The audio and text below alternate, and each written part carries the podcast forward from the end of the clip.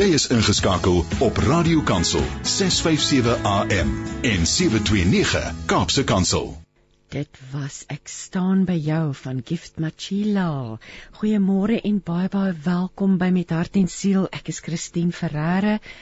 Dis Dinsdagoggend. Dit is bloedig warm in die noorde van die land en ons kuier saam hier op Radio Kansel en Kaapse Kansel.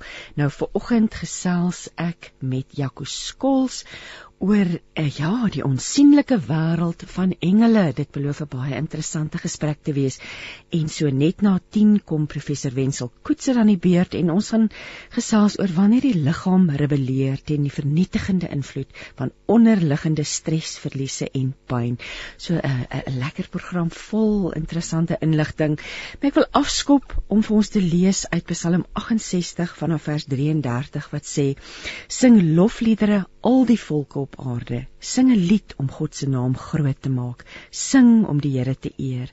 Eer hom wat bo oor die hemel troon, troon, die hemel wat van die begin af daar is. God se magtige stem dreun deur die ganse wêreld. Buig voor hom en erken dat hy die sterkste is. Goeiemôre Jaco. Goeiemôre, Jakob Skool. Hallo. Hallo Jakob, baie lekker om met jou te gesels. Ek hou hier in my hand 'n boek vas met die titel Die onsigbare wêreld van engele. Ehm um, jy is 'n navorsingsgenoot van die departement Ou en Nuwe Testament van die Universiteit van Stellenbosch. Tientalle boeke geskryf al jy blok vir faith ek koop en die onsigbare wêreld van engele is jou derde boek 'n interessante onderwerp. Um, ek dink daar's heelwat te sê daaroor. Daar's jy weet, ek dink ja, ja, daar is baie debat, polemiek, maar hierdie boek van jou bevat regtig interessante inligting. So soos jy net regs in jou voorwoord sê, is die skrif is die enigste gesaghebende en akkurate bron oor die onsigbare wêreld van engele. So ek gaan dadelik vir jou vra wat wat kan lesers van hierdie boek verwag? Ehm um, Christine die foon oproep het nou vreeslik opgebreek. Ek het ek het amper nie 'n woord gehoor nie. ja. Ja, okay, ek ek net een vraag. Wat kan lesers te wagte wees van jou boek? Um, ek het, ek het ongelukkig net nie die vraag gehoor nie. Het jy net nie gehoor nie? Kan ek weer ek kom ons probeer weer. Jong die tegnologie en ek weet jy is iewers daar met die kus langs as ek dit nie mis dit nie. ek wil vir ek vra vir jou wat kan lesers te wag te wees van jou boek? Kan jy my hoor of moet ons weer skakel? Ek, ek kan ek kan ongelukkig net hoor dit breek okay. okay, kan jy dalk rond beweeg? Ek ek wonder oh, ek wonder wat kom ons probeer ons gaan jou weer skakel. Ons gaan ons luister na 'n stukkie musiek en dan gaan ons jou weer probeer skakel. Dudley Mans gaan vir ons sing 'n kenne naam.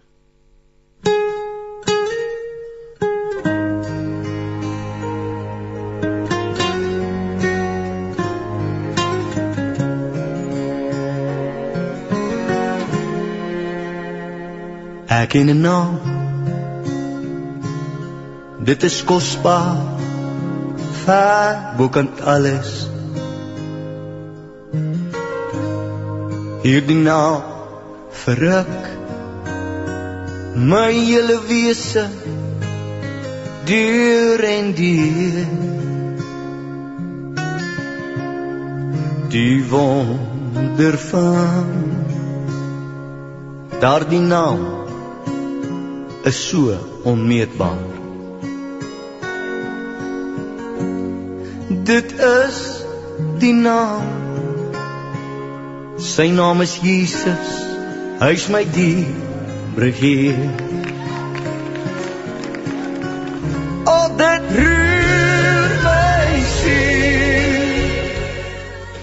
Ons het weer vir Jakobie lyn en ons gaan net nou verder luister na die lied. Jakob kan jy my hoor Ja, nou kan ek jou hoor. Nou goeiemôre, goeiemôre aan die luisteraars. Goeiemôre en so dankie dat jy bereid is en tyd gemaak het met ons te gesels vanoggend. Ek het aan ons luisteraars meegedeel dat jy 'n navorsingsgenoot is van die departement van Ou en Nuwe Testament, um tientalle boeke uh, geskryf werk en ons gaan gesels oor die boek Die onsigbare wêreld van engele en ek wil vir jou vra wat kan lesers te wag te wees van hierdie boek? Ehm um, ja, gesien die die boek gaan oor die wat die Bybel sê oor die onsigbare wêreld van engele. Ehm um, so daar staan basies twee dele. Die eerste deel gee 'n klomp Bybelse feite oor al die verskillende engelwesens. So dit handel byvoorbeeld die name van engele, hulle aanvanklike skepping, wat hulle doen, hulle aard, hulle organisasie, maar ook die val van Satan en ander engele word bespreek. So dit dit kom alles in in deel 1 na vore. En dan ehm um, van Satan en sy engele gevalle, probeer hulle om God se plan en sy sy koninkryk ehm um, te verydel en te snyk. So die tweede deel van die boek gaan oor die kosmiese oorlog. En dit dit dit dit vertel die verhaal van hoe die bose engele of gevalle engele ehm um, probeer inmeng en probeer afbreek ehm um, en om om goed te doen te wees nou en ek vertel dit dan van Genesis tot aan die einde van van Openbaring en dit sê dan ook wat is elke mens veral gelowiges se geestelike worstelstryd in hierdie kosmiese oorlog ehm um, maar dit wys dat dat al gebeur daar wat ook al um, God bly in beheer, hy is die koning van die universele koninkryk en niks of niemand gaan sy plan snyk nie. En dan 'n derde rede of 'n derde aspek van die boek is by geleentheid het ek elke leser aangemoedig om as hulle hulle nog nie in hulle lewe gebeur het nie om hulle geloofsvertroue in die Here Jesus te stel as hulle verlos is. Jo, en wat vir my lekker is want dit is dis nie noodwendig 'n uh, 'n 'n onderwerp wat 'n mens in diepte mee bekend is nie, die die gewone persoon nie. Jy het ook 'n woordelys, jy het ehm um, daar daar's jy help ook met praktiese raad, daar's vrae vir Bybelstudie, daar's so dit dit, dit lei 'n mens nogal om regtig ondersoek te gaan instel. Maar jy begin die boek na die na die voorwoord wat vir ons dan verduidelik waaroor die boek gaan. Is jou eerste hoofstuk se titel Engele bestaan werklik. Kom ons gesels daaroor. Ja, die die Bybel sê eintlik verbasing baie oor oor engele en hulle bestaan. En en natuurlik ehm um, eintlik verbasing. Ek ek dink as mense begin lees en jy sien hoe baie ehm um, uh, daarna dink ek na engele engele verwys word. En dan dan verbaas dit mense soms. Um, al drie die persone van die drie eenheid was betrokke by die by die skepping, maar alles wat geskep is, is deur die seun van God geskep. So Johannes 1 in vers 3 en Kolossense 1 vers 16 beskryf dit dan so. Uh, so so al die engelwese is geleer die tweede persoon van die drie eenheid geskep en dan as jy statistiek wil hê 34 uit 66 boeke van die Bybel verwys na engele 17 in die Ou Testament 17 in die Nuwe Testament. En hierdie verwysings kom ook nie net in profetiese of historiese of poëtiese boeke voor nie maar of of net in Daniël, Sagaria of Openbaring nie maar maar reg in die Bybel.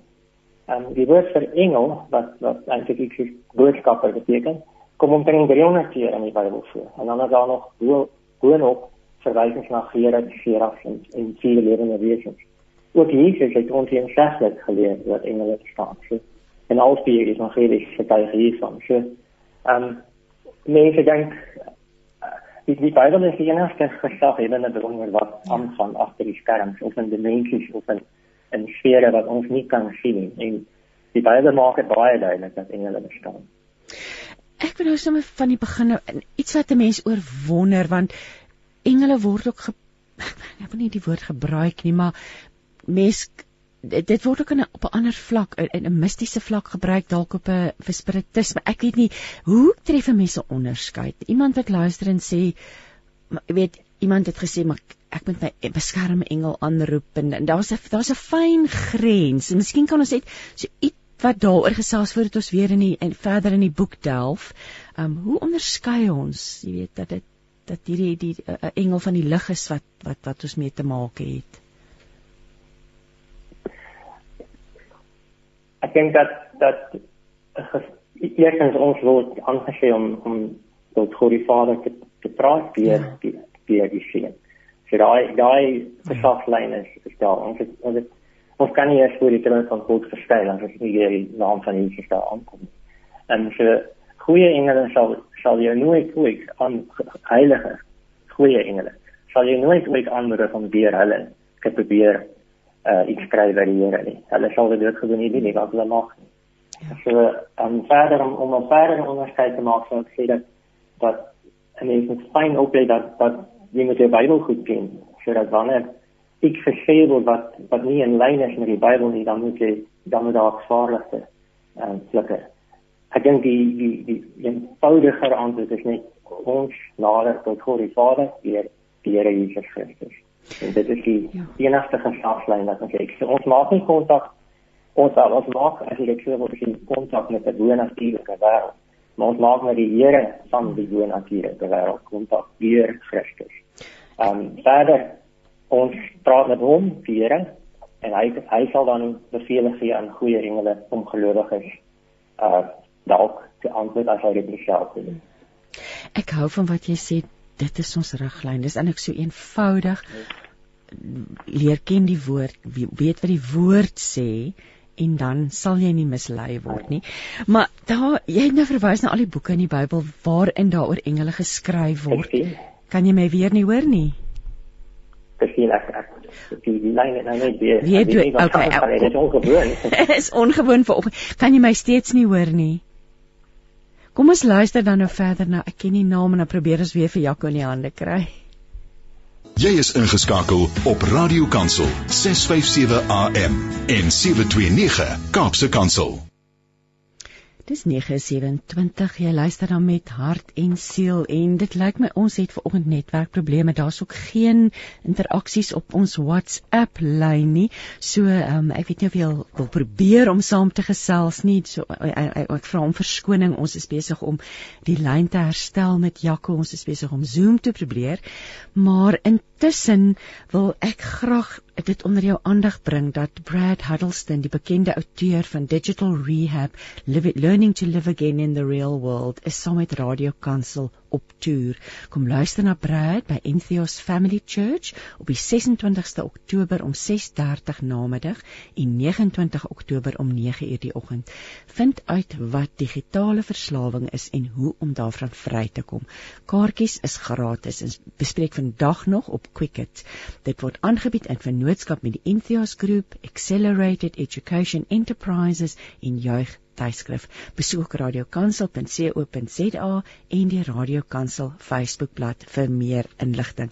Ons gaan nou toets en hoor of ons vir Jaco op die lyn het. Jaco, is jy terug? Ek is terug. Ek is so onseker van die tegnologie, maar ek is terug.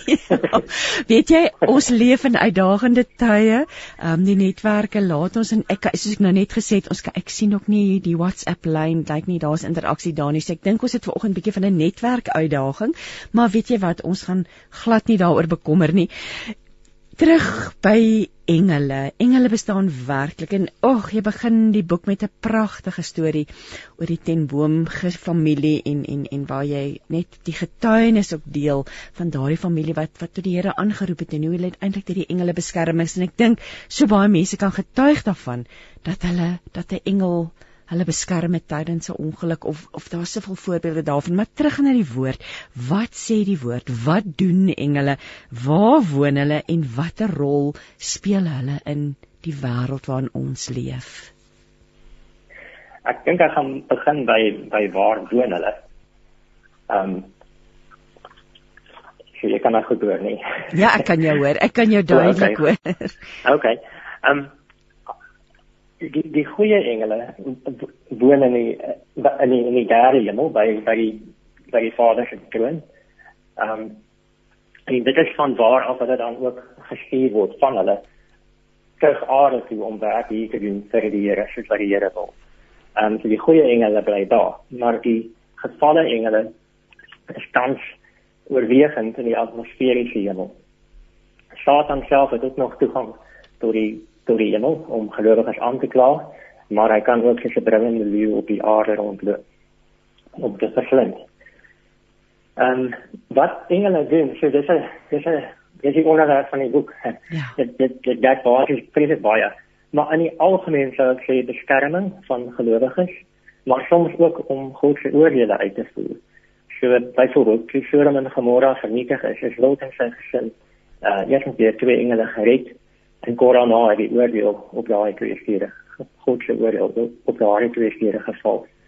Mens kan ook kyk soos wat ek in die boek gedoen het wat engele in die verlede gedoen het, wat hulle in die Here doen en ook wat hulle in die toekoms nog gaan doen. of 'n ander manier om om alles te kyk na wat engele doen of gedoen het en wat gaan doen is in vir spesifieke persone in 'n spesifieke tyd soos byvoorbeeld die engele se werk um, tydens die eerste koms. En die boek behandel nogal baie van alles wat hulle doen. Ehm um, ek sê in die algemeen beskerming, maar hulle voer ook God se oordeele uit. En in die toekoms is dit veral waar hulle betrokke gaan wees. Jaco, het jy altyd 'n fascinering gehad met engele of of was dit is hierdie 'n nuwe onderwerp wat jou aandag begin trek het? Hoe het dit gekom dat jy die boek geskryf het? Ehm um, ek het ek ek het ek het belang gestel nog altyd daarin. Maar wat ek ek wou net ek wou dit net graag beter verstaan. Ehm um, ja. Ehm um, en om om ons almal is daar 'n onsigbare wêreld. So daar's ek dink as jy word 'n mensie of sfeer 'n goeie een is nie maar maar obviously ons kan nie engele sien nie. So en ek was nuuskierig hieroor, ek wou dit beter verstaan en ek wou ook weet hoe dit alles inpas by God se skepingsplan. Um, en en dit kan navorsing wat die Bybel oor hierdie onsigbare wêreld sê. En um, dit is almal sê dit seker oor hulle boek, ja ja. Maar dit is fascinerend om te leer oor Gerard en Gerard en lewende wesens en en wat hulle aard is of wat het gebeur toe Satan aan hulle engele geval het.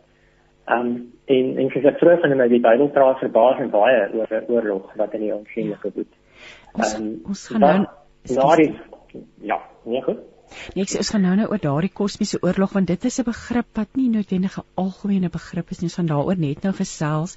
Maar jy het so aan terwyl ons so opgebreek het ons het gehoor jy het dit gesê oor die verskillende soorte engelwesens. Uh, miskien kan jy vir ons verduidelik Ehm um, jy het nou vir ons verduidelik waar hulle woon, die die die die die engele van God woon saam met hom in die hemel, dan is daar jy het gepraat van die die die ehm um, watter woord het jy nou gebruik? Die daar waar Satan en die ander woon, maar daar's ook verskillende engelwesens. Wil jy nie net vir ons 'n verduideliking gee van ja. watter wesens daar is en wat hulle rol is nie asseblief? Ja, as as jy net van ons aan engele dink, dan dink ons byvoorbeeld aan uh, Michael en Gabriel en en engele wat weg van die troon van God na die aarde gestuur word om hier spesifieke take vir die Here uit te voer. Maar daar is waarskynlik vier soorte engelwesens. Ehm um, eerstens Gerard, Seraf, die vier lewende wesens en engele.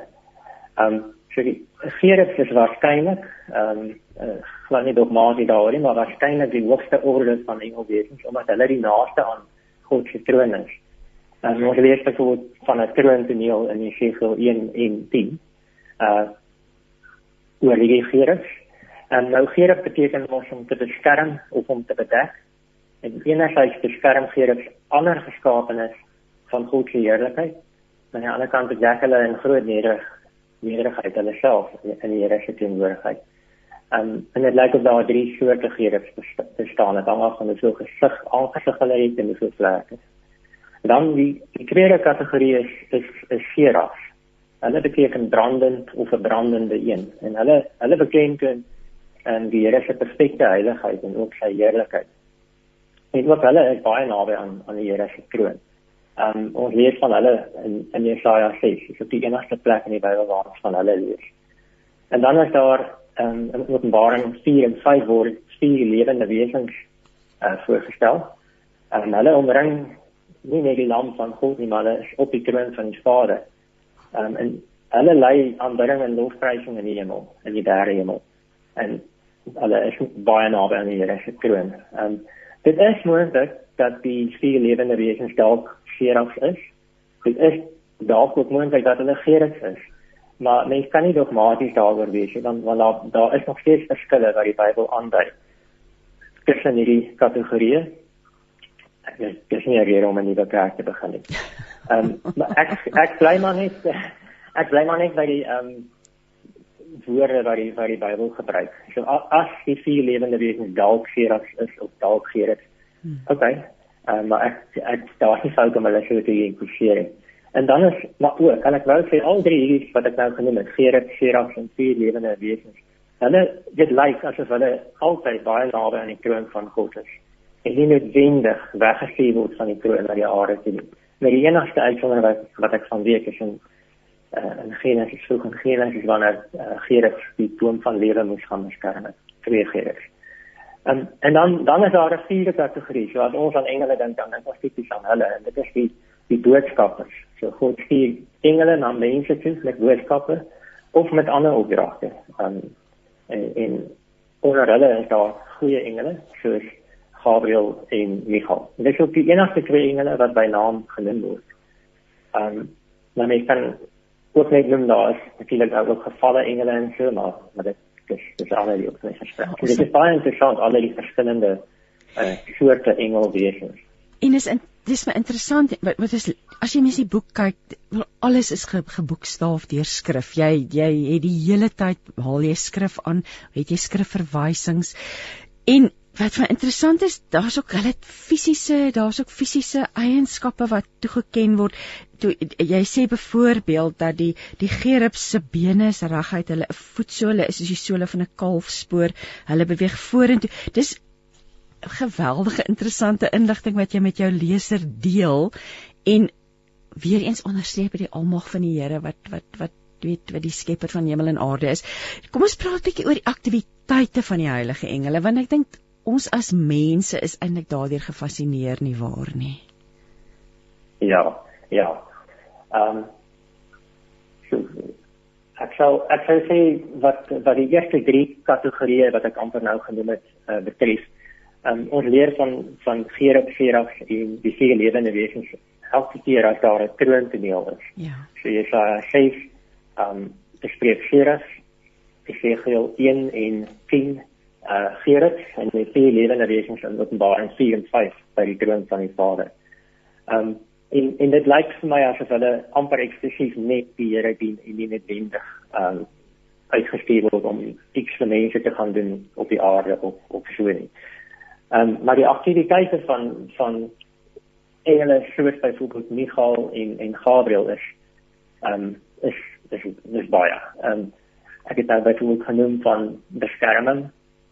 Ehm um, soms byvoorbeeld Gabriel is gestuur na Daniel toe om 'n gebedsversoek te beantwoord in 'n detail en dan terselfdertyd ook vir Daniel te leer wat wat die wat die gebed antwoord sou wees. Uh ek dink aan Daniel 10 tot 12 ehm um, as hy dan uh, ek skief ek ek, ek moet sê Daniel 9. Ehm um, maar dan is daar ook 'n ander anonieme heilige engel in in Daniel 10 tot 12. Ehm um, so soms het ek te doen met met die beantwoording van gebede, beskerming, hulle word ook gereeld gebruik en dit wel om om God se oordeele ehm um, uit te voer, te voltrek. Ehm um, ek jy dan nog sê? Nee nee, nee. Jy kan maar voortgaan ek dink ook dit is interessant om te sien byvoorbeeld in sekere tye is hulle baie meer lyk dit ek moet sê lyk dit of hulle baie meer aktief is byvoorbeeld ehm um, daar's engele bedrywighede gewees by die berg Sinai toe die week week gegee is vir die Israeliete en dan vir al die tydens die Here se eerste koms ehm um, en die en die vier evangelies lees jy nogal baie raak van van wat engele alles gedoen het spesifiek ook vir die Here Jesus Jy sê dan ekskuus tog. Nee, ekskuus vir sien en dan 'n laaste opmerking in die toekoms gaan hulle besonder aktief ook weer wees. Um, ek dink mens kan nouliks openbaring lees sonder om dit raak te sien. Dis my baie mooi jy verwys ook na ons houding teenoor engele, teenoor die heilige engele en jy sê ehm um, wat behoort gelowiges se houding teenoor heilige engele te wees en jy sê daar's nie fout daarmee om engele se groot vermoëns te bewonder nie dit is reg om hulle dienswerk te respekteer en te waardeer maar mense word eksplisiet verbied om engele te aanbid nê dit is dis dis nog al 'n kragtige stelling en en baie belangrike inligting natuurlik Ehm um, kom ons praat jy oor die oor die gevalle engele. Ons ons dit is soos dit is 'n belangrike deel van die boek. So wat wil jy vir ons sê oor die gevang, gevalle engel? Wel Satan natuurlik as die gevalle engel en teenstander van die koninkryk van God. Ja, dit blyk dat dat die aardgere, met ander 'n baie hoë en die nie hoogste nie. Ehm dat hy op die stadium gerebelleer het teen die Here. Hy vryheid gehad om te kies, maar toe hy dit gebruik om teen die Here te kies. En nie net hy nie, hy het reg gekry om uh, 'n uh, derde van die engelwesens te kry om saam met hom teen God te rebelleer. En en en ek het van daai tyd af is daar 'n oorlog in die engele wêreld, maar ek speel verseker ook op die aarde af waar hierdie gevalle engele onder Satan probeer om die Here se plan te sluit, om dit te verydel. En wat ek ook noem vroeg in die voorbeeld al, daar's geen dualistiese stryd dat ons nou ons naas moet kan en wonder wie gaan wen. Dit is eenvoudig nie so nie, maar vir hierdie wat wat bo ons vermoë om te dink het God het goed gedink om dit toe te laat. Ehm um, maar hy gaan uiteindelik totaal en al klaar speel daarmee. Die Here Jesus het reeds die oorwinning daal. Ehm um, maar die Satan en die gevalle engele vonnis is nog nie voltrek nie. So wat wat die tweede deel van die boek die kosmiese oorlog probeer ek met die Bybel agter die skerms kyk na wat doen die gevalle engele om God se koninkryk aan te val en wat doen goeie engele, heilige engele wat God gebruik in hierdie oorlog sou die Here wil want die Here kan dit alleen uitsorteer as hy wil. Uh, maar niemand van ons se hulp nodig. Ehm um, so so dit is dit is 'n ander invalshoek om dan vanaf Genesis tot Openbaring te probeer kyk weer eens met die Bybel as jou as jou enigste handleiding. En wat het oral in watter tye gebeur en hoe val Satan in sy uh gevalle engele dan eintlik jou dit aan. En ja, so dis pas so dis die tweede deel van die boek. Um, en dit gaan aan tot die einde, soos wat ek beloof het in die voorwoord. Ek dink 'n mens met dis dis dis komplekste, maar jy verduidelik dit en dit vir my wonderlik aan die hand van die vrae, want ek dink soos dit 'n mens die boek lees, moet 'n mens dit gaan oordink. Jy het vra vir Bybelstudie. So is die idee dat miskien selgroepe bymekaar kom en hierdie boek saam behandel, dat daar gesprek kan wees omdat dit so eintlik 'n kompleks is, is 'n veral die tweede deel, die kosmiese oorlog. Is dit wat is die rede vir die vrae en wat was jou gedagtegang rondom dit? Um, ek ja, ek ek, ek dink die die eerste 10 12 stukke is myn insiens redelik redelik lekker.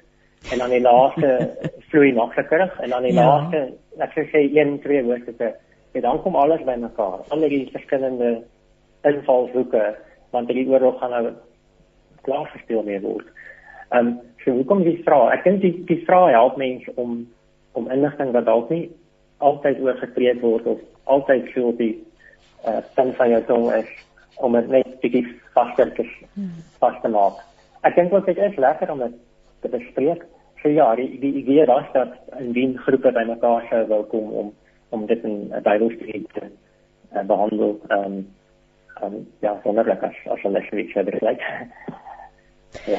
Kom ons en ek dink dit help net die vraag. Die, die vraag en, en die vraag was nie net herhaal wat in bladsy 22 staan en dankie tog en ons gaan aan nie. Dis nie skool nie. Ja. En ek sê ek ek weet nie skool ek is daar so nie. Dit was ek. Lang terug. Ehm maar dit dit bedoel my ehm weer eens uh gedagtes te prikkel. Kom ons kom ons praat oor die kosmiese oorlog. Jy jy dit in die boek dit begin by die val van Adam en Eva en jy praat daaroor jy of skryf daaroor tot by wat jy noem die dag van die Here. So nou wil ek vir jou vra wat behels die kosmiese oorlog en wat moet ons as gelowiges hiervan weet? Ek wil stellinge gemaak en ons lees al van in Jesaja 14, Jakobus 14. En hier daai stellinge ek wil uitsprake, het hy eintlik 'n anti-koninkryk, 'n bose koninkryksplan of agenda daar gestel en en, en net kortliks um, as hy sê hy wil opklim in die in die hemel dan wil hy eintlik die Vader se troon weer reglik vat. As hy sê ek wil my troon verhef oor die sterre van God, dan wil hy eintlik bo alle engele wees. Maar die Here Jesus Christus, die seun van God, hy is die Here van die heerskare. En so kan elk van hierdie vyf punte, dit kan eintlik een van die hoof stroomtendense wat planne wat Satan het om die Here se plan te probeer verydel. En en as jy kan regkry om een aspek, enige aspek van die Here se plan ehm um, te stop of te verydel, dan gaan hy 'n vraagteken plaas oor die soewereine heerskappy van die Here. Maar hy gaan dit nie regkry nie. Maar in die geskiedenis is daar 'n paar veldslae waar dit nie so goed lyk nie, maar telkens skryf die Here dan nou in en ehm um, red eintlik die situasie. Ehm um, so as ons dink aan aan Efesiërs 6 ons stryd is nie teen vlees en bloed nie maar teen al die verskillende klasse as oordes en in die gevalle engele wêreld. Ehm um, ek wou eintlik net sê dat dit hierdie geveg begin nie net in Efesiërs 6 nie, dit begin van Genesis 3 af. Ja. So wat moet wat moet gelowiges weet? Ehm um, of jy dit ook ongelowiges of hulle dit wil weet of gelowiges dit wil weet, ons is almal in hierdie worstelstryd in ons is in dit. Vir gelowiges is hierdie stryd op drie vlakke. Dit vind op drie fronte plaas. Eerstens Satan en sy gevalle engele kan jou direk aanval. Dit is soos jy word spesifiek getuig. En dan hoe staan jy? Wil jy staan in die krag van die Here? Ehm um, want hy is hoër, hy is God. Ehm um, die tweede manier is en en, en dit dit dink ek is 'n is 'n aspek wat nie altyd so lekker verstaan word nie, maar Satan het 'n wêreldstelsel, ehm, 'n 'n kultuur in hierdie wêreld geskep. Ehm um, want hy hy is hy het nog gehou vas op die nasies, hy het gehou vas op die koninkryke van hierdie wêreld nog steeds. Al is hy verslaan by die kruis. Ehm um, in hierdie wêreldstelsel probeer jou laat lees op 'n manier anders as wat die Here wil, anders as wat die woord sê. En en vir daardie rede moet ons juis 'n weergebore persoon met jou verstand vernuwe, ons moet juis nie as jy daarop wees nie. Ons moet vir al ons ons gedagtes moet moet nie gemaak word deur die woord. So dit is die tweede front en dan die derde front is amper die geheime agent. Binne in elke gelowige gelowige is daar nog steeds 'n gevalle natuur, ons vlees wat in 'n rigting gaan wat nie in ooreenstemming is met die wil van die Vader nie. So ek dink vir al ehm um, ons 12 behandel hierdie ehm um, aspek van die kosmiese oorlog vir elke gelowige uh, individu um, in in groot detail. Um, en en ek dink ook dit is net nodig om weer te sê ons, ons ek, ek glo die meeste gelowiges weet dit natuurlik. Ehm um, maar dit is ook vir ongelowiges.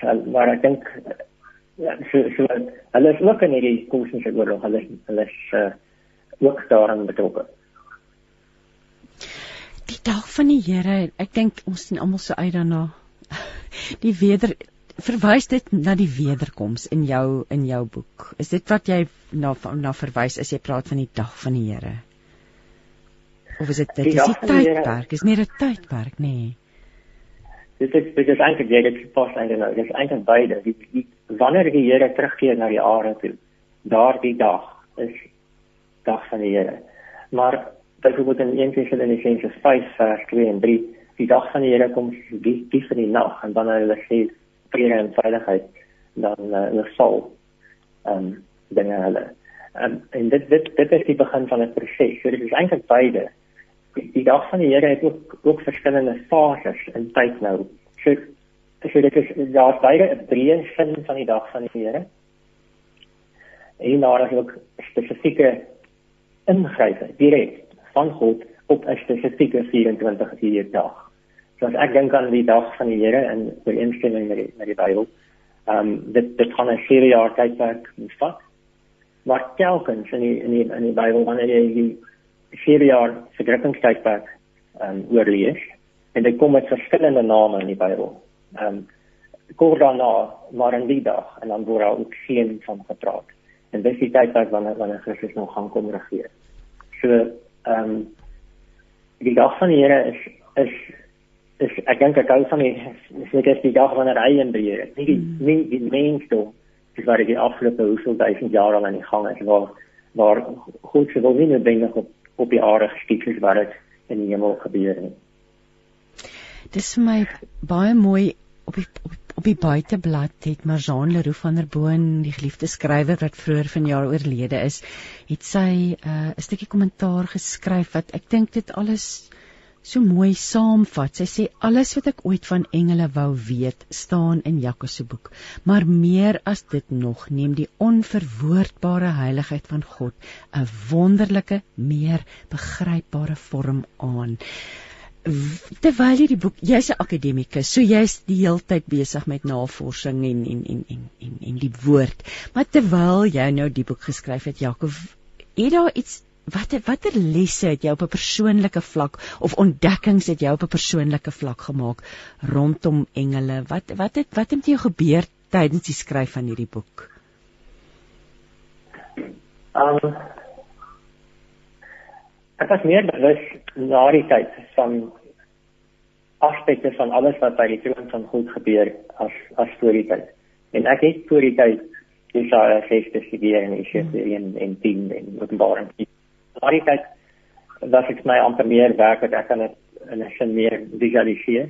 Hmm. Ek maak die beelde in my kop van die Here nie ek ek weet daar se kroon en dan eh, ja, maar maar rondom rondom dit uh, alles wat daar gebeur en ek dink byvoorbeeld wat wat my getref het is as ons byvoorbeeld Matteus 6 uh eh, die onsse Vader naam geheilig word en dan daar eintlik 'n paar weer is soos in die hemel so wat op die aarde en dan as ons lees in Openbaring 4 van die vier lewende wesens wat is hulle besig om te doen hulle is besig om te sê heilig heilig heilig ja en dis die Here God die magtige wat was en wat is en wat kom so jy kry dadelik die idee maar met die naam van die van God in die hemel word geheilig. Dit gebeur nog nie op die aarde nie, maar dit kom.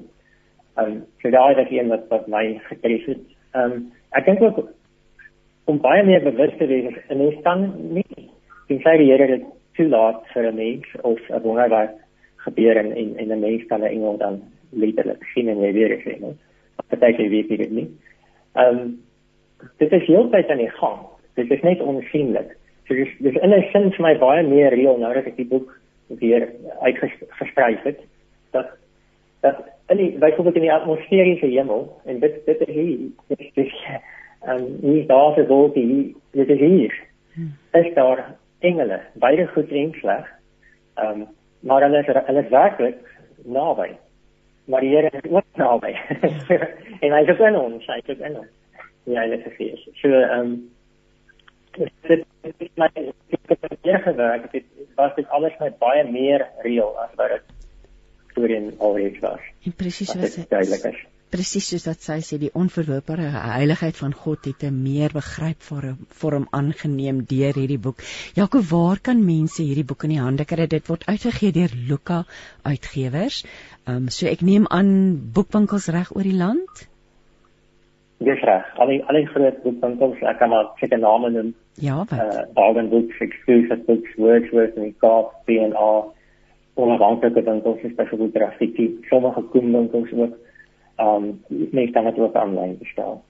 So die boek, ek het gesels met Jaco Skol, skrywer van Die onsigbare wêreld van engele.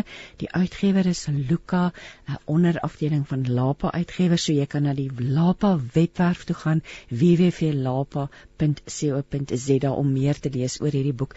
Jaco, ek wil vir jou dankie sê vir jou tyd en ek gaan afsluit deur die stukkie te lees waarmee die boek begin. Ehm um, so as jy nie omgee nie, gaan ek so 'n stukkie lees oor oor Corrie ten Boom En ja, alles seën ja. vir hierdie boek. Ek hoop uh, dit gaan mense se lewens verander en vir ons tot nuwe insigte bring oor oor die heerlikheid van die Here, nê. So nogmaals dankie daarvoor baie. en dankie vir jou ja. tyd vanoggend. Baie baie dankie. Dankie vir die gesprek en ons voorreg om dit aan praat. Dankie. Ek lees vir ons sommer net so die eerste stukkie. In 'n beskeie huis in ba Barteljorestraat in Haarlem, Nederland, kom 'n groepie gelowiges in 1844 bymekaar om te bid. Die gelowiges is deel van 'n groot herlewingsbeweging toe baie Nederlanders tot geloof gekom het in die enigste saligmaker, die Here Jesus Christus. Hulle hou week na week en maand na maand Bybelstudie en bid saam. Maande word later jare en selfs dekades en steeds soek die een geslag na die ander die aangesig van die Here op. Die huis bied ook later skuilplek vir vlugtelinge tydens die Tweede Wêreldoorlog. En die konsep van skuilplek laat mense natuurlik dink aan Psalm 91 vers 9. Vers 1 wat sê wat in die skuilplek van die Allerhoogste sit, sal vernag in die skaduwee van die Almagtige op 28 Februarie 1944, 100 jaar nadat die oorspronklike groep gelowiges vir die eerste keer in hierdie huis saamgekom en begin bid het, vergader die Ten Boom familie oudergewoonte saam met omtrent 30 ander mense. Hulle word gearresteer terwyl die weeklikse Bybelstudie en gebed aan die gang is. En daardie aand by die polisiestasie in Haarlem bid die 84-jarige Casper Ten Boom, 'n oorlosiemaker, U is my skuilplek, my skild op U woord wag ek. Die volgende dag word hulle oorgeplaas na die Oranje Hotel in Scheveningen en daar bemoedig die tenboon familie mekaar vir oulaas weer en lees Psalm 91 saam met toevlug en my bergvesting, my God op wie ek vertrou. Natuurlik weet ons dat laat dat Corrie ten Boom na suster Betsy later na die berugte nasie vroue konsentrasiekamp Ravensbrück gestuur is. En die al die vroue word gesoek, die wagte konfiskeer hulle besittings. Corrie versteek haar Bybel onder haar rok. Here, laat asseblief u engele my ongesiens omring, want die wag moet my nie sien nie, bid sy. Sy stap ongesiens verby die wagte. Die vrou voor Corrie steek 'n ekstra kledingstuk onder haar blouse weg, maar dit word gekonfiskeer. Betsy wat agter Corrie stap, word van kop tot tone deursoek. Hulle word het, hulle vorder tot by 'n tweede deursoekpunt waar die vroue weer deursoek word. Al hulle besittings word afgeneem. Ek het geweet hierdie wagte sou my ook nie sou my ook nie sien nie getuig Corrie, want die engele het my nog steeds omring. En natuurlik ken ons die lieflike storie van Corrie ten Boma. Corrie se ja, lieflike lieflike manier om die boek te begin. Maar kom ons luister musiek. Ons luister nou na Hannes van der Walt wat vir ons gaan sing. U is my krag. Ons familie word net groter en groter. Welkom by ons op 657 Radio Kansel en 729 Kaapse Kansel luister dan met hart en siel en ek gaan nou gesels met professor Wenzel Koetser, 'n ou bekende um hier by met hart en siel, deel van die radiokansel familie en Wenzel het 'n boek geskryf. Hy's baie produktief as 'n beraader, 'n professor as uh, by die teologie departement van Noordwes Universiteit. Maar hierdie boek se titel is so gepas en ek dink van so van toepassing op die wêreld waarin ons nou leef, wanneer die liggaam rebelleer teen die vernietigende invloed van onderliggende stres, verliese en pyn. Môre wensel. Goeiemôre Christine. Ag, dis lekker. Dit klink vir my jy's mooi duidelik en helder. Jy's met ons op Zoom. Ons vertrou die netwerk. Gaan ons nie in die steek laat soos dit vroeër vanoggend gedoen het nie, maar baie baie welkom um, Wensel en dankie vir die tyd wat jy afstaan om met ons te gesels oor hierdie belangrike onderwerp en ek wil ons lesers luisteraars uitnooi om saam te gesels soos ouer gewoonte. Um jy skryf in hierdie nuwe boek in diepte oor die uitwerking van van stres, pyn en verlies op die liggaam en jy sê 'n holistiese benadering is ontsettend belangrik. Waarom? Hoekom sê jy so?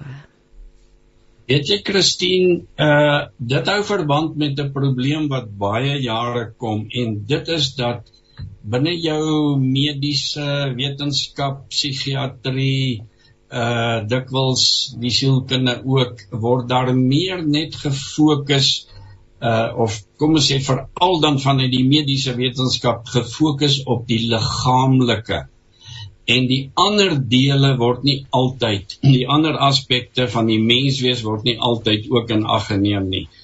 Uh die die benadering is ons identifiseer die simptome en dan behandel ons die simptome met medikasie. Ons onderdruk daai simptome. Maar niemand vra oor die algemeen waar kom dit vandaan? Wat is die dieper wortels? Wat is moontlik die geskiedenis van hierdie simptome?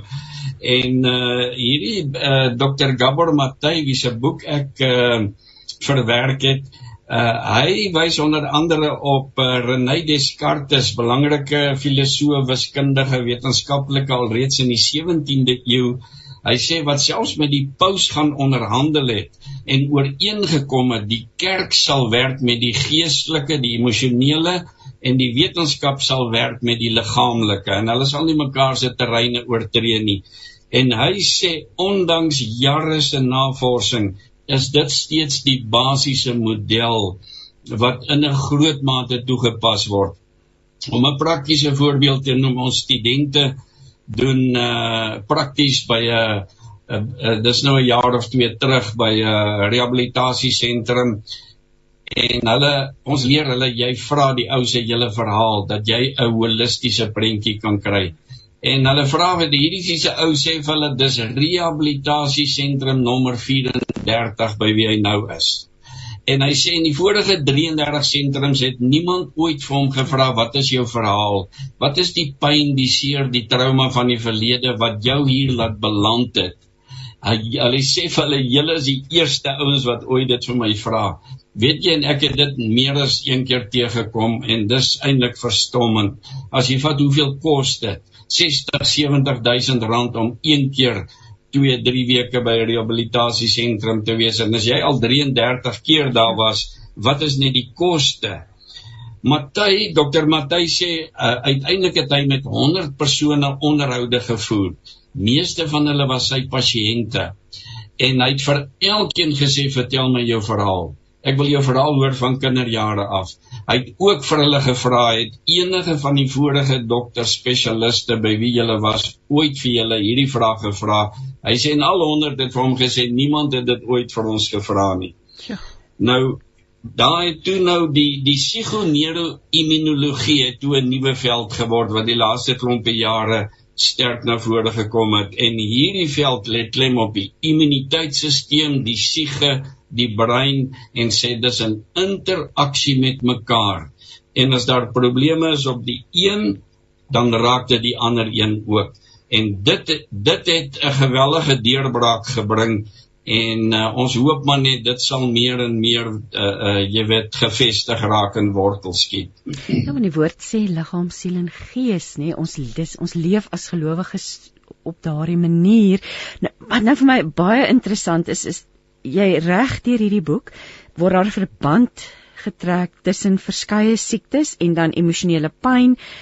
Maar jy praat van spesifieke siektes, onder meer veelvuldige sklerose, verskeie soorte kanker, Alzheimer se siekte, selfs artritis en asma. So jy delf diep in hierdie boek in hierdie hoofstukke, maar kan jy dalk oorsigtelik met ons gesels oor die oor die ontdekkings wat gemaak is, die verband wat getrek is tussen hierdie siektestoestande en dan die emosionele onderliggende pyn?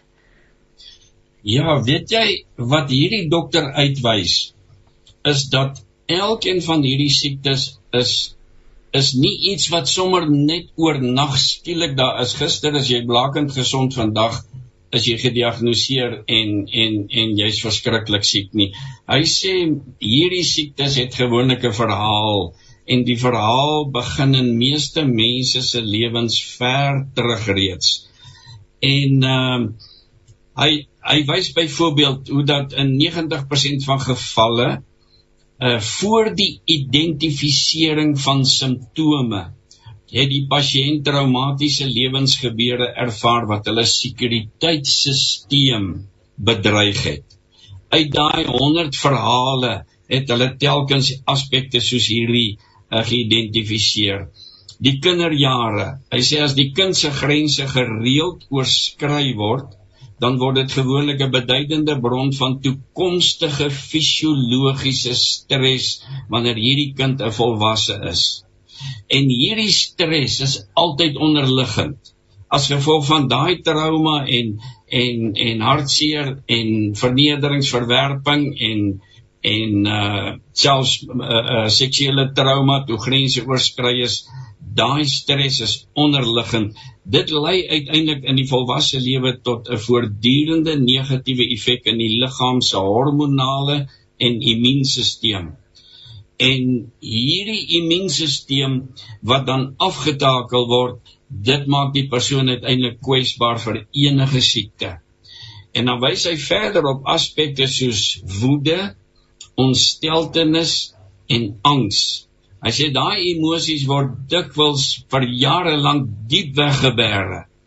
En hulle het byvoorbeeld ag met met met talle persone wat byvoorbeeld uh, sklerose het het hulle gevind dat daar 'n baie groot persentasie van hulle is met 'n met 'n uiters vriendelike geaardheid. Hy verwys na niceness. En uh maar uiteindelik is dit die masker.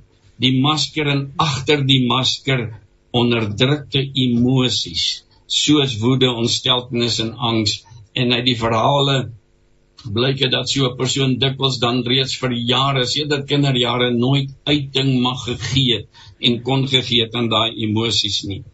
En uh nou as ons nou hier verwys na verskillende siektes belangrik om te sê ons kan nooit sê dit geld vir elke persoon nie. 'n Mens is te gekompliseer, maar as hulle met 'n paar duisend uh, pasiënte, jy weet, hierdie ding oor en oor deur gegaan het, dan kom hulle agter goed met 'n groot persentasie is hierdie en hierdie stellings waar. Nou wat hierdie aspek dan betref, as ons by die pastorale riglyne kom, dan sê ons dit gaan die moeite werd wees vir vir beraders om die pasiënt se lewensverhaal te bekom. Want daar gaan jy uh, inligting kry wat andersins verlore sou gaan. En daarom sê ons ons studente begin by die persoon se verhaal. Daar lê al die stukkies van die legkaart. Ook die generasie geskiedenis te sien wat het in hierdie familie gebeur En dan sê ons mense voel dikwels innerlik alleen, ingeperk, desperaat, gedoem. En die uitdaging nou vir beraders is om hulle te help om asem en emosionele vryheid te kan ervaar. Daai grense wat oorskry is, die trauma en die pyn waaroor hulle nooit mag gepraat het nie. Ons moet hulle help want dit voel vir hulle asof hulle versmoor word en dit manifesteer dikwels in ons liggame. En dan sê ons dis nie nodig dat mense eers by die kant van die afgrond moet kom om die regte besluite te neem nie.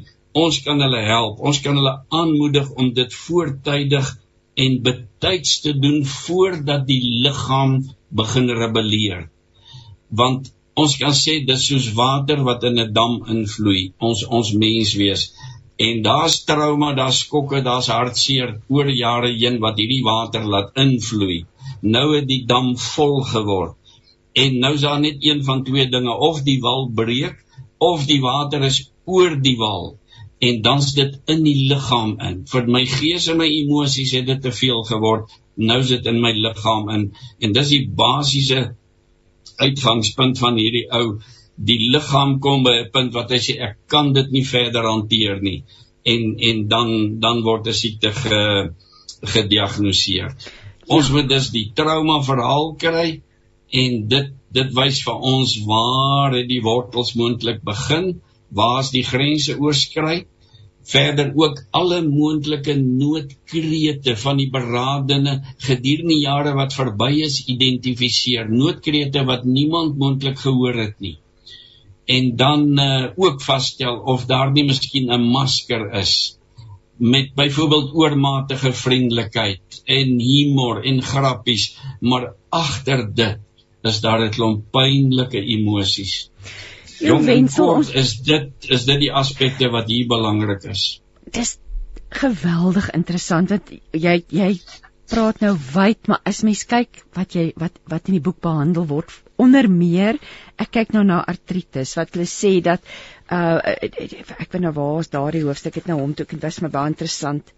Waar dit nou ekskuus tog ja dit iemand wat geneig is tot artritis moontlik onverstoorbare selfbeheersing perfeksionisme onderdrukking van woede die impak van stres al hierdie goed speel 'n rol en jou liggaam manifesteer dit dan as artritis. Is dit verstaan ek reg dat daar dat daar so 'n sterk verband dat daar eintlik spesifieke siektes uitgewys kan word wat verband hou met sommige eh, sekere pynsituasies dan of verliese en stres. Ja, dit is basies wat hierdie man met sy 100 uh, eh, gevalle studies aandoon. Uh en dit gaan elke keer om emosies wat onderdruk is, uh grense wat oorskry is, trauma wat nie hanteer is nie en dan sê hy lei dit dikwels tot faktore soos basiese onsekerheid, gevoelens van isolasie reeds as 'n kind, verlies van beheer. Ander het beheer oor my lewe geneem en en en en ek is magteloos. En dan ook konflik, voortdurende konflik waarin hierdie persoon blootgestel was. En hierdie dinge breek alles uh uh lei tot hoë stresvlakke en dan uh maak dit die deur oop. Dit maak die deur weer oop vir vir alle aspekte soos inflammasie en hy maak baie van inflammasie. Inflammasie wat uiteindelik deurwerk na die brein toe. en hy sê dit is mikroskopies klein.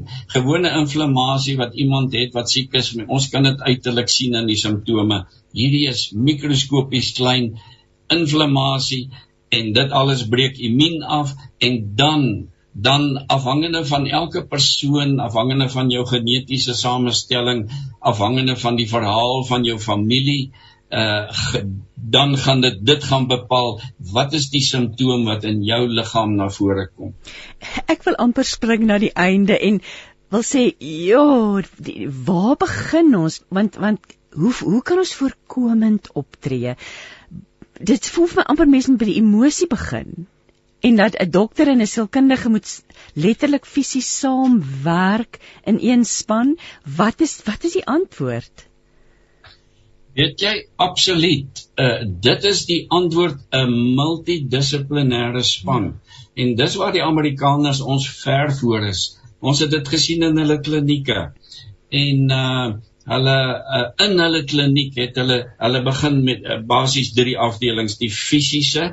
So daar is dit bloedtoetse, alles voluit op die mediese veld, dan die emosionele, die die psigiatriese, die sielkundige aspekte en dan derdens die geestelike, die pastorale.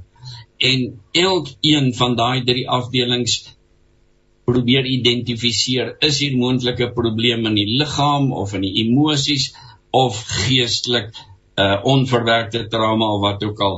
En dit dis 'n wenresep. Dis 'n wenresep. Dr. Paul Meyer hulle praat van 'n 98% suksessyfer in hulle klinieke wat fenomenaal is want hulle werk met die mens as geheel.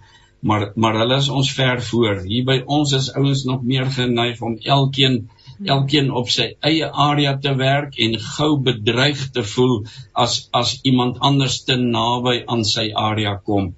So maar dan terug by jou vraag, jy weet uh uh waar waar begin ons? Uh Dr. Matthey wys uh onder andere uit verkeerde keuses verkeerde keuses uh wat wat ver terug reeds gemaak is en wat gewoonlik ook teruggaan kinderjare toe en en hy sê die biologie van ons liggame word bepaal binne 'n lewenslange interaksie met ons omgewing. Alles wat in die milieu gebeur het waar ek groot geword het, wat of negatief of positief was, Interessant, daar's iemand anders wat 'n boek geskryf het How Your Biography Becomes Your Biology. Hm. Jou biografie, jou lewensverhaal het uiteindelik 'n impak op die biologie van jou liggaam. Dit kan die biologie van jou liggaam verander as daar pyn en seer en trauma aan mekaar was. En heeltemal het dit gelei tot 'n toksiese lewenstyl waar baie verkeerde keuses gemaak is en dikwels is daai keuses gebaseer op persepsies wat ek as kind reeds verkry het. Dis 'n bose siklus. En dan wys hy op die merkwaardige konsekwentheid in die oorlewingsstyle by verskeie siektes. Hy hy sê hierdie 3 dinge is uh, het hulle by meeste siektes gekry onderdrukking van woede. Hm dis onreg wat gepleeg is ver terug en ek ek kon nie uiting gee daaraan nie. Dan tweedens ontkenning van kwesbaarheid. Uh ek het ek het geleer om te ontken dis al hoe ek kon oorleef. En dan derdens pogings om op 'n verkeerde wyse te probeer kompenseer. Ek hou byvoorbeeld nou 'n sterk beeld na vore. Daai daai masker wat ek op het. En hierdie drie faktore hier is bevorder net hierdie hierdie bose hierdie bose kringloop. Verder dat ons sal kyk wat was die effek van emosioneel dreinerende gesinsverhoudings soos hy dit beskryf. Hy het dit geïdentifiseer as 'n risikofaktor met betrekking tot bykans elke siekte wat hy bespreek degenera eh, degeneratiewe neurologiese kondisies, kanker, outoimmuunsiektes. Hy sê dikwels in meeste gevalle as hulle die lewensverhaal kry, emosioneel dreinerende gesinsverhoudings. En wanneer ons dan met iemand te pad loop en betrokke raak, gaan dit gaan dit 'n belangrike aspek wees om op te fokus om die verhaal te kry daar dalk in daai gesin baie hartseer plaasgevind. En dit is nooit hanteer nie en hierdie persoon dra hierdie pakkie met hulle saam. En uh dan ook die ding van minimaliseer. Hy sê met talle wat met wie hulle onderhoude gevoer het, gebleik dat hulle jare se stres en verliese maar net afmaak asof dit nie nie so erg was nie. En maar dis dis dis 'n oorlewings uh beginsel. En dan verder persoonlike behoeftes wat opgeoffer is ter wille van ander mense se verwagtinge van my. Dis 'n lyn wat ook dwars deurloop. So dikwels moes ek my behoeftes eenkant skuif alreeds op 'n jong ouderdom en ek moes voorkeur gee aan ander. En dan is daar uiteindelik 'n lewenstyl wat gekenmerk word deur onderdrukking van woede, ontkenning van kwesbaarheid en ekstreme onafhanklikheid. Ek vra vir niemand hulp nie. Ek oorleef op my eie want dis al wat ek gesien het wat gewerk het toe toe ek deur trauma is. Ons moet ook beraadnes aanmoedig om nie skaam te wees oor eie broosheid nie en en nie daai verliese te minimaliseer nie. Ons moet hulle help om dit op die naam te noem, te identifiseer en deur daai pyn te werk. Wensel? En 'n laaste puntjie hier, onsself die vraag afvra of ons tot dusver ons lewe ingerig het in ooreenstemming met ons eie diepste waarhede en behoeftes of was dit deurgangs 'n poging om iemand anders se verwagtinge te vervul? baie belangrike aspek hierdie. Jo, daar's so klomp rooi ligte wat afgaan met mense. Mense het soveel vrae vir jou. Tinka vra nou. Sy sê ek luister nou so en ek wonder of osteoporose ook daar inval want ons is 'n paar in die familie wie se rugwervel swak is as gevolg daarvan vir al die vroue en ons wat die meeste geaffekteer is het baie hartseer as gevolg van depressie beleef en dan sê sy daar was erge depressie aan my ouma se kant. Is dit wat wat wat is jou antwoord vir vir Tinka? Weet jy ja, nee verseker dit skakel maar alles in hierby. Uh die depressie sê dat daar reeds by by ouma baie hartseer en trauma kon gewees het. Kyk in die in die Maartklinieke sê hulle 80% plus van depressie hou verband met onverwerkte trauma, onverwerkte verliese en bitterheid, wrokke as gevolg van onreg. So so daar kan 'n hele verhaal agter daardie depressie wees. En en wat wat hy beklemtoon heel dikwels die die belangrikheid dan van die die uh familiegeskiedenis om om met 'n geneagram die hele familie se geskiedenis te kry, te sien wat was al die pyn, al die verliese, al die skokke, al die trauma en dan kom dinge soos uh, moontlik uh, persone wat in die tronk was, aborsies, miskrame, stilgeboortes, egskeidings, uh moord en en sterfgevalle. Alles kom op hierdie geneagram dat mens sien wat het alles in hierdie familie gebeur. En dan die van die punte wat ons reeds genoem het om dan individueel met elke persoon deur sy of haar verhaal te werk en te sien wat is daai bagasie wat dalk saamgedra is, dalk in baie gevalle sedert kinderjare en nooit afgelaai is nie.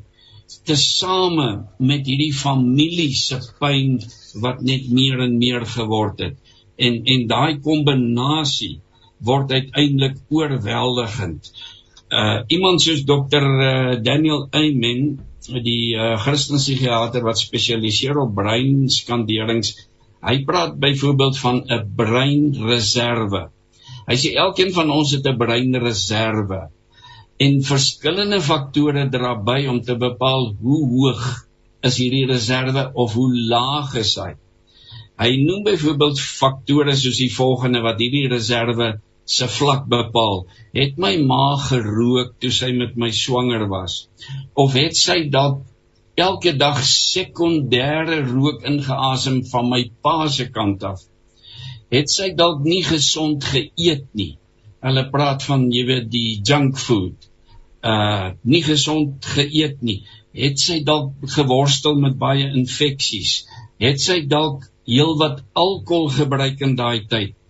Was daar dalk baie onverwerkte trauma en verliese in haar lewe tydens daai 9 maande? Was daar dalk huweliksprobleme, paase alkoholus en hy het daar gereeld aangerand?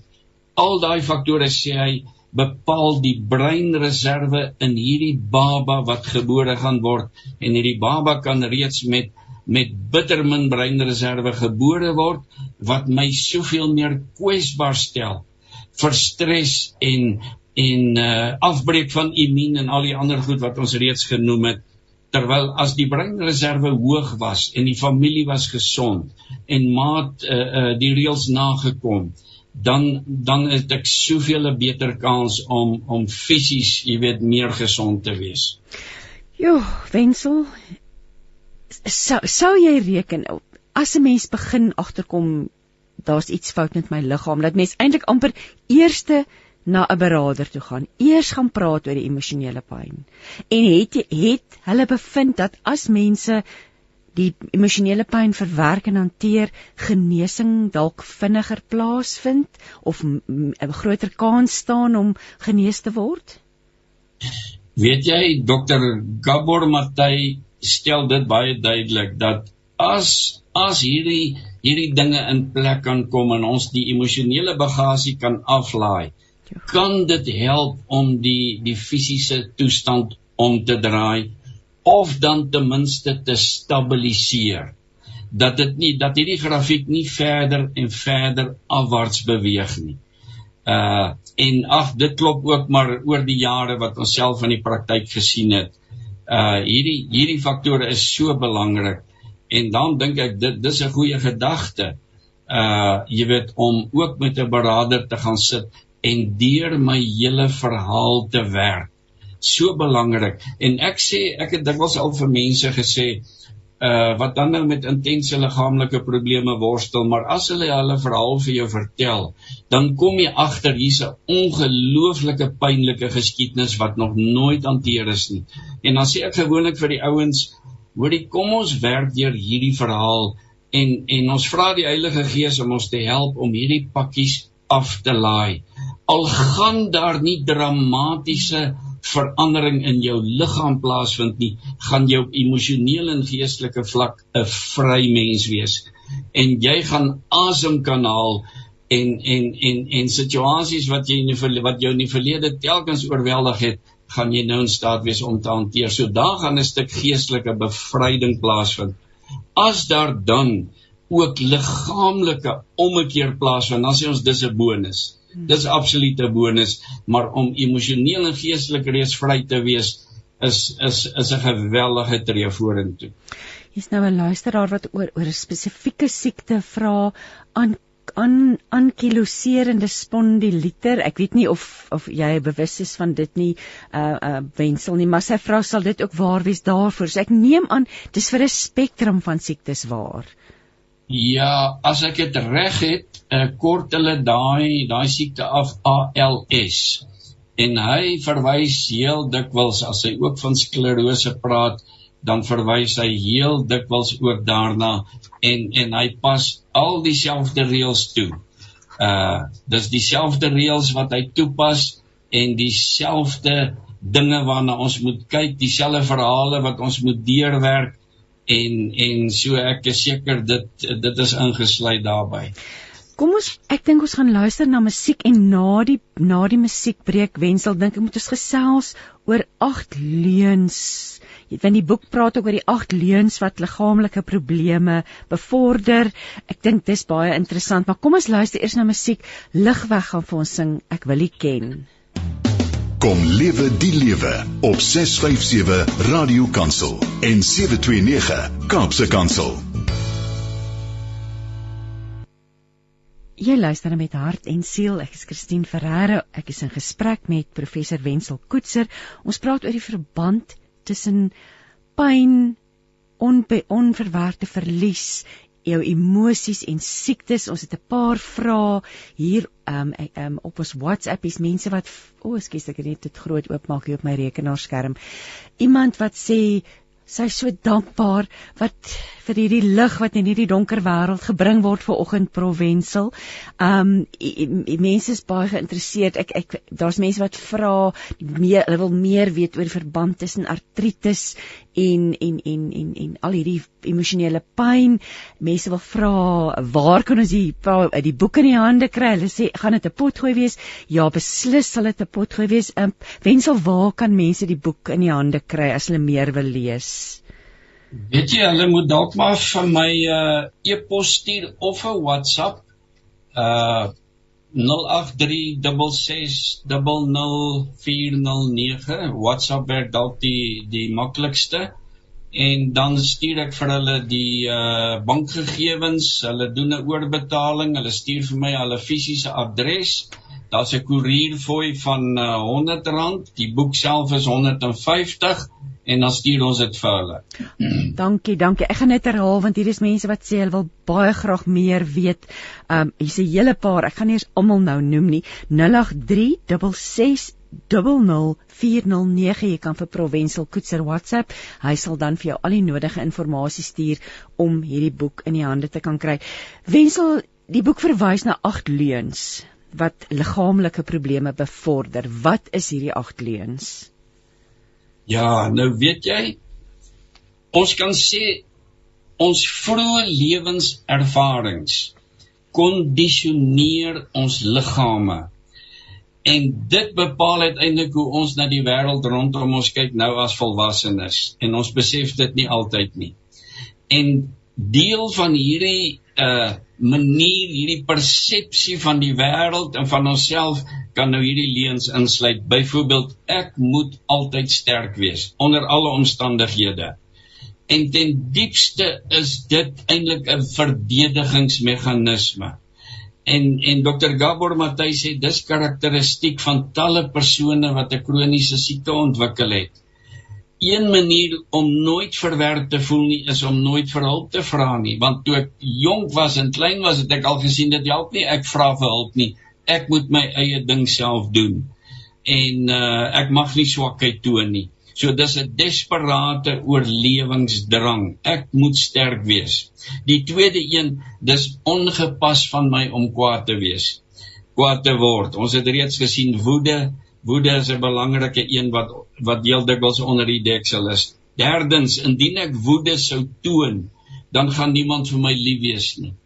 Reeds as kind het ek gesien ek mag geensins aantoon ek is kwaad nie, want dis onaanvaarbaar. Nommer 4, ek is verantwoordelik vir die hele wêreld rondom my. Uh en dit gaan dikwels ook ver terug. Te veel verantwoordelikhede op 'n te vroeë ouderdom op hierdie kind gelaai en hierdie leuen het gevestig. Die volgende een ek kan enige iets hanteer. Ek is dus onafhanklik ek is selfstandig ek ek kan enige iets hanteer en ek moet alles self hanteer.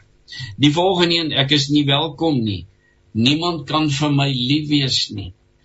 Uh dis 'n boodskap wat ook ver terug al gaan Ek bestaan nie die volgende een ek bestaan nie tensy dat ek iets doen nie.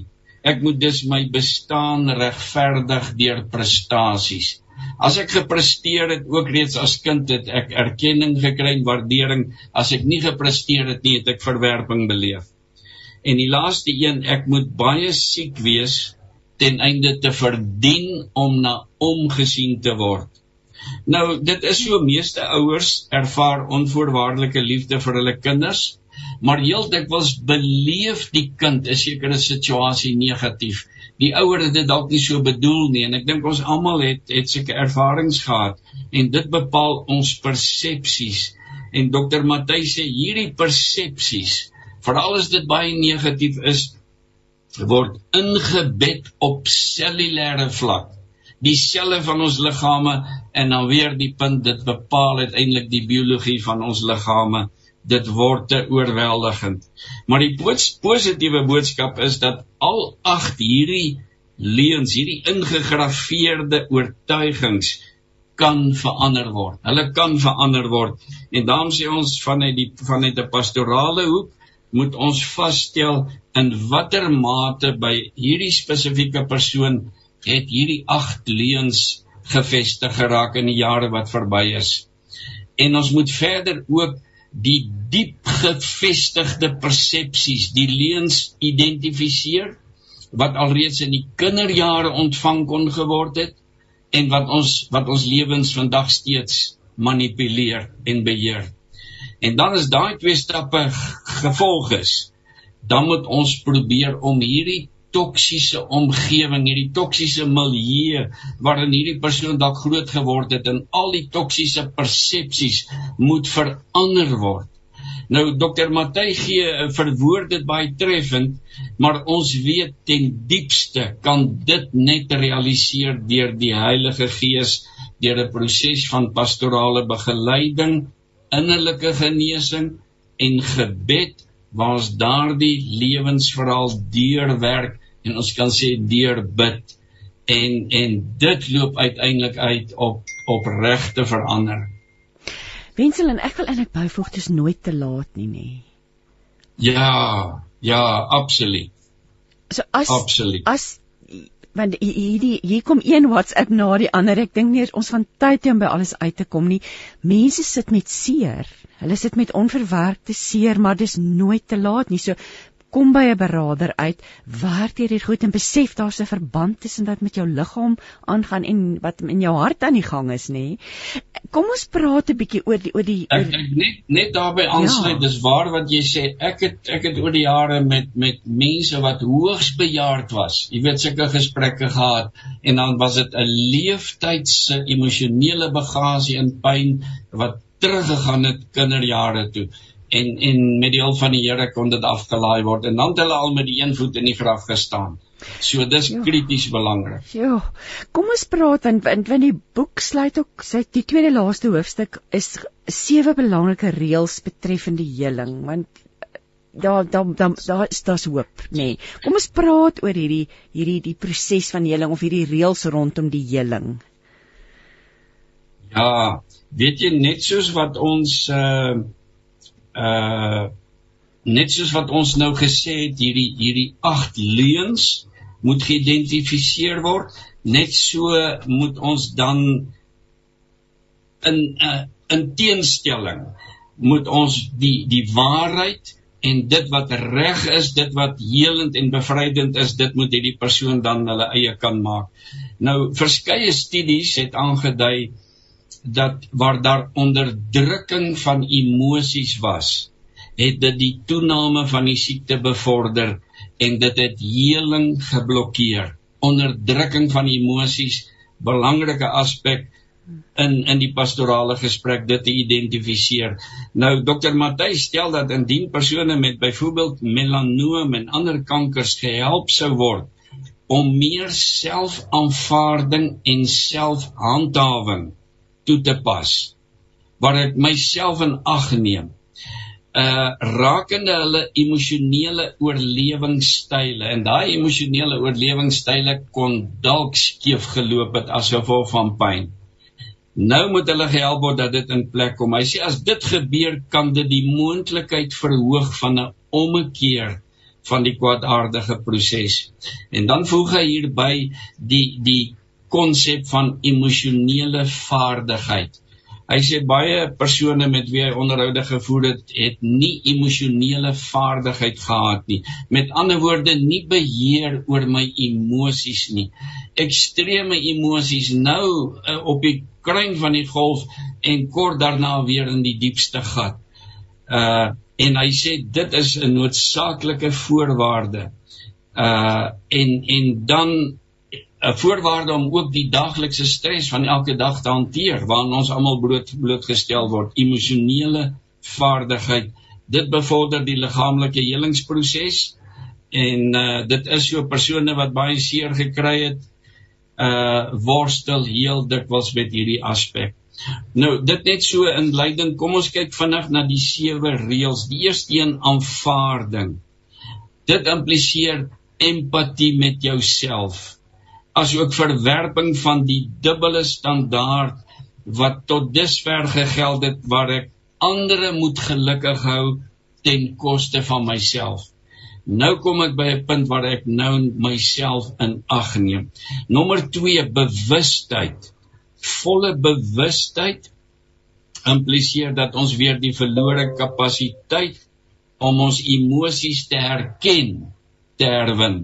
As jy voor van baie seer en pyn moes ek daai emosies onder 'n deksel gaan sit. Nou moet die deksel weer afgehaal word. Ek moet daai emosies 'n naam kan gee. En ons moet dan ook leer om hierdie emosies te vertrou eerder as die negatiewe boodskappe wat deur ander stukkende mense telkens na my toe gekom het. Nommer 3, weer die kwessie van woede. Ons het gesien die onderdrukking daarvan kritiese risikofaktor ten opsigte van siekte omdat dit die fisiologiese stres op hierdie liggaam verhoog. Gesonde woede daarenteen laat die individu steeds in beheer wees en nie die onbeheerbare emosies nie woede respekteer grense. So soms gaan dit nodig wees om hierdie persoon te help om dalk vir die eerste keer in 'n lewe hierdie beginsel te leer. Jy mag uiting gee aan woede en ontsteltenis, maar daar's grense. Hmm. Nommer 4, autonomie.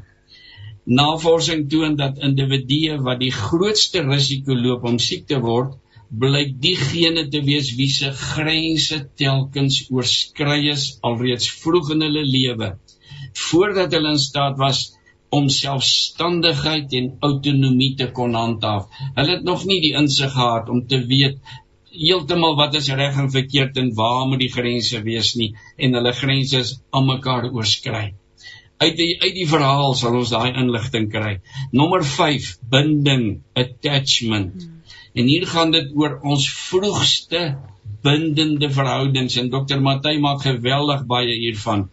Hy sê daar het ons die vermoë ontvang om oop te kan wees teenoor die wêreld, selfversorgend en gesond. As daai bindingsverhoudinge veral eerstens dan met ons ouers as dit gesond was, gesond was. En en daarom persone met gesonde emosionele ondersteuning en koneksie, binding, geniet en ervaar gewoonlik 'n baie beter prognose Met ander woorde 'n voorspelling van hoe hierdie siekte gaan verloop, 'n beter prognose uh wat die pad vorentoe betref as hierdie emosionele ondersteuning, goeie koneksie, uh baie liefde, baie ervaring, uh, aanvaarding rondom my daar is. Nommer 6, standpunt inname. Ons neem standpunt in teen die reël wat impliseer dat ons deurgangs ons bestaan moet kan bewys en regverdig en dat ons slegs bestaan en waardig is as daar prestasie is. Ons neem standpunt daarteenoor in.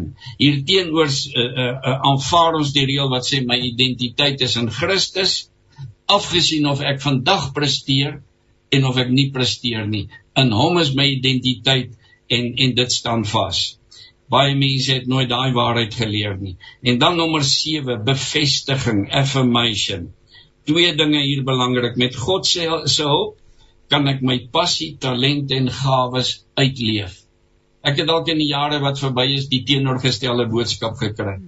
Die tweede een, God is betrokke by my hele verhaal van die verlede en ook van die toekoms as ons dan pastoraal dit moet saamvat, dan sê ons eerstens ek onderneem om voortaan die nodige empatie teenoor myself te betoon. Nommer 2, ek gaan poog om weer die verlore kapasiteit te herwin, my emosies te erken, dit wat dalk vir jare onderdruk was.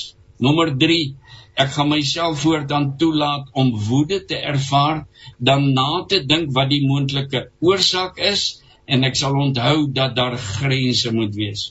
Nommer 4, ek gaan daarop ingestel wees om my lewenservarings te verbaliseer en te artikuleer sodat dit nie nodig sal wees vir my liggaam om dit uit te roep wat my denke en my mond nie kon doen nie. Hierdie is so belangrik ding. Ja. Uh, dit vleg deur sy hele boek mense wat nie mag gesê het hoe hulle voel nie uiteindelik roep jou liggaam dit uit Nommer 5. Ek gaan toesien dat daar gesonde emosionele ondersteuning en koneksie in my lewe is. Uh en dis hier moet sal ons as begeleiers soms 'n persoon moet help om dit in plek te kry. En dan die volgende en ek doen afstand van die benadering om deurgangs my bestaan te moet bewys en regverdig. Ek doen afstand van die leuen dat ek nie liefde werd is nie. Ek is dus uniek. Vir Christus is ek spesiaal. Ek die volgende een ek gaan voortaan daarna streef om volle ruimte te gee aan my innovering en kreatiwiteit sodat my Godgegewe passie en gawes tot 'n volle reg kan kom. En die laaste enetjie ek stel myself ten volle oop vir God se plan met my hele lewensverhaal. Dit vat dit basies saam. Jo, Wensel, dit is 'n absolute mond vol waarheid en wysheid wat jy met ons deel. Hier's nou baie luisteraars wat belangstel in die koneksie tussen of die ja, hierdie koneksie tussen spesifieke siektes, outoimmuun siektes byvoorbeeld. Ehm um, hier's iemand wat vra uh, artritis, ehm um, iemand wat vra oor hoë cholesterol, hoë bloeddruk. So is daar ietsie of ek dink die maklikste sal seker wees om spesifiek na die boek te verwys of hoe wat se antwoord het ons vir hierdie mense vandag want dit is so wye veld. Ehm um, as jy dalk iets vinnigs wil sê oor die hoë cholesterol, die hoë bloeddruk. Weet jy ja, ek ek dink uh, aan die een kant uh, dat die ouens die boek moet kry want ja. hierdie hierdie goed vleg so, hy vleg ja, so deur al die hoofstukke. Ja, ja. En as ons maar net dink aan uh, hoë bloeddruk ag heel wat literatuur wat wat daaroor uh nou al jy weet in diepte ge, uh, ingegaan het so dikwels hou dit verband met stresvlakke wat styg en 'n dokter wat vir iemand wat worstel met hoë bloeddruk byvoorbeeld sê probeer elke situasie vermy wat daar onnodig stres of spanning is want dit jaag die bloeddruk op. Dit is dus 'n emosie. Jy beleef 'n emosie en daai emosie het onmiddellike impak op jou liggaam en dit is die die kernstandpunt van hierdie dokter. Dit wat in ons denke gebeur loop deur na ons liggame toe. So en as dit dan iemand is wat ook reeds 'n verhaal het van 'n klomp onverwerkte trauma en dalk 'n klomp onverwerkte onreg wat aan hom of haar gedoen het ge, uh, uh, wat aan hulle gedoen is, dan het daai daai stresvlakke ver terug reeds die hoogte ingeskiet. En uiteindelik het dit oorgegaan in 'n bloeddrukprobleem en nou moet hulle so versigtig wees. So dit soos ek sê, dit sluit aan by by by die lyne wat dwars deur hierdie ja. hierdie boek loop. Ja. Ek wil die naam van die boek herhaal. Dit is wanneer die liggaam rebelleer, die vernietigende invloed van onderliggende stres, verliese en pyn. Provensel het 'n verwerking gedoen soos ek kan aflei 'n wensel van van van van verskeie studies en 'n boek en dit saamgevat omdat ja, om om om om te kan help, om mense te kan help. So ek het wil ja, ons wil voorstel want daar's regtig ons kan nie mense kan nie spesifiek in detail ingaan nie soos jy sê Wensel. Alles is verweef. Maar jy het gekom met die antwoorde, oplossings. As jy belangstel om die boek in die hande te kry, stuur asseblief 'n WhatsApp aan professor Wensel Koetser 083 6600409. Ons tyd raak min. Wensel, jy het teruggevat na die woord, die pastorale perspektief. Kan ek jou vra om 'n gebed vir ons mee af te sluit vir oggend asseblief? Ag, oh, groot voorreg. Ons Vader, ons dankie vir hierdie geleentheid. Ons dankie dat U mense oprig soos byvoorbeeld Dr. Gabor Matthey en baie ander om met hulle kennis vir ons hierdie wêreld oop te maak, vir ons wysheid te bring, insig te bring ook wat ons liggame betref, ons emosies, Here, die die dinge waarmee meeste van ons elke dag worstel. En ons dankie dat dat ons kan leer. Dankie vir die Heilige Gees wat dit verder vir ons oopbreek. Ons dankie vir vanoggend se gesprek. Ons wil intree vir elkeen wat geluister het, elkeen wat worstel met liggaamlike probleme, wat nie antwoorde kry nie, wat worstel met God. Here, wil u naby wees by elkeen. Wil u deur u gees elkeen omring met u teenwoordigheid. Wil u ook hierdie boek seën elkeen wat dit in die hande gaan kry. Here vir ons daardeur verder insig bring en dat ons ons lewens kan inrig volgens gesonde en goeie reëls. Here en en dat ons nie onnodig die deure sal oopmaak vir die negatiewe nie. Dankie vir ons liggame. Dankie vir die die reëls waarvolgens U dit geskep het en en u help vir ons om daardie reëls na te kom ook in die toekoms. Dankie ook vir Christine. Ons bid ook vir haar bediening. Seën dit baie ryklik in Jesus Christus se naam. Amen. Amen. Wensel baie baie dankie. Dankie vir die werk wat jy doen en jo, jou hart om mense te help en ons bid dat ons 'n gesonde nasie sal wees 'n gesonde weermag van Christus wat die wêreld kan aanpak. Ja, baie baie dankie vir jou tyd vanoggend en ons waardeer dit opreg. Ek herhaal net weer die titel van die boek Wanneer die liggaam rebelleer, die vernietigende invloed van onderliggende stres, verlies en pyn. Wensel nogmaals dankie en kom ons sluit af met musiek. Izaan gaan vir ons sing. Ek en u saam.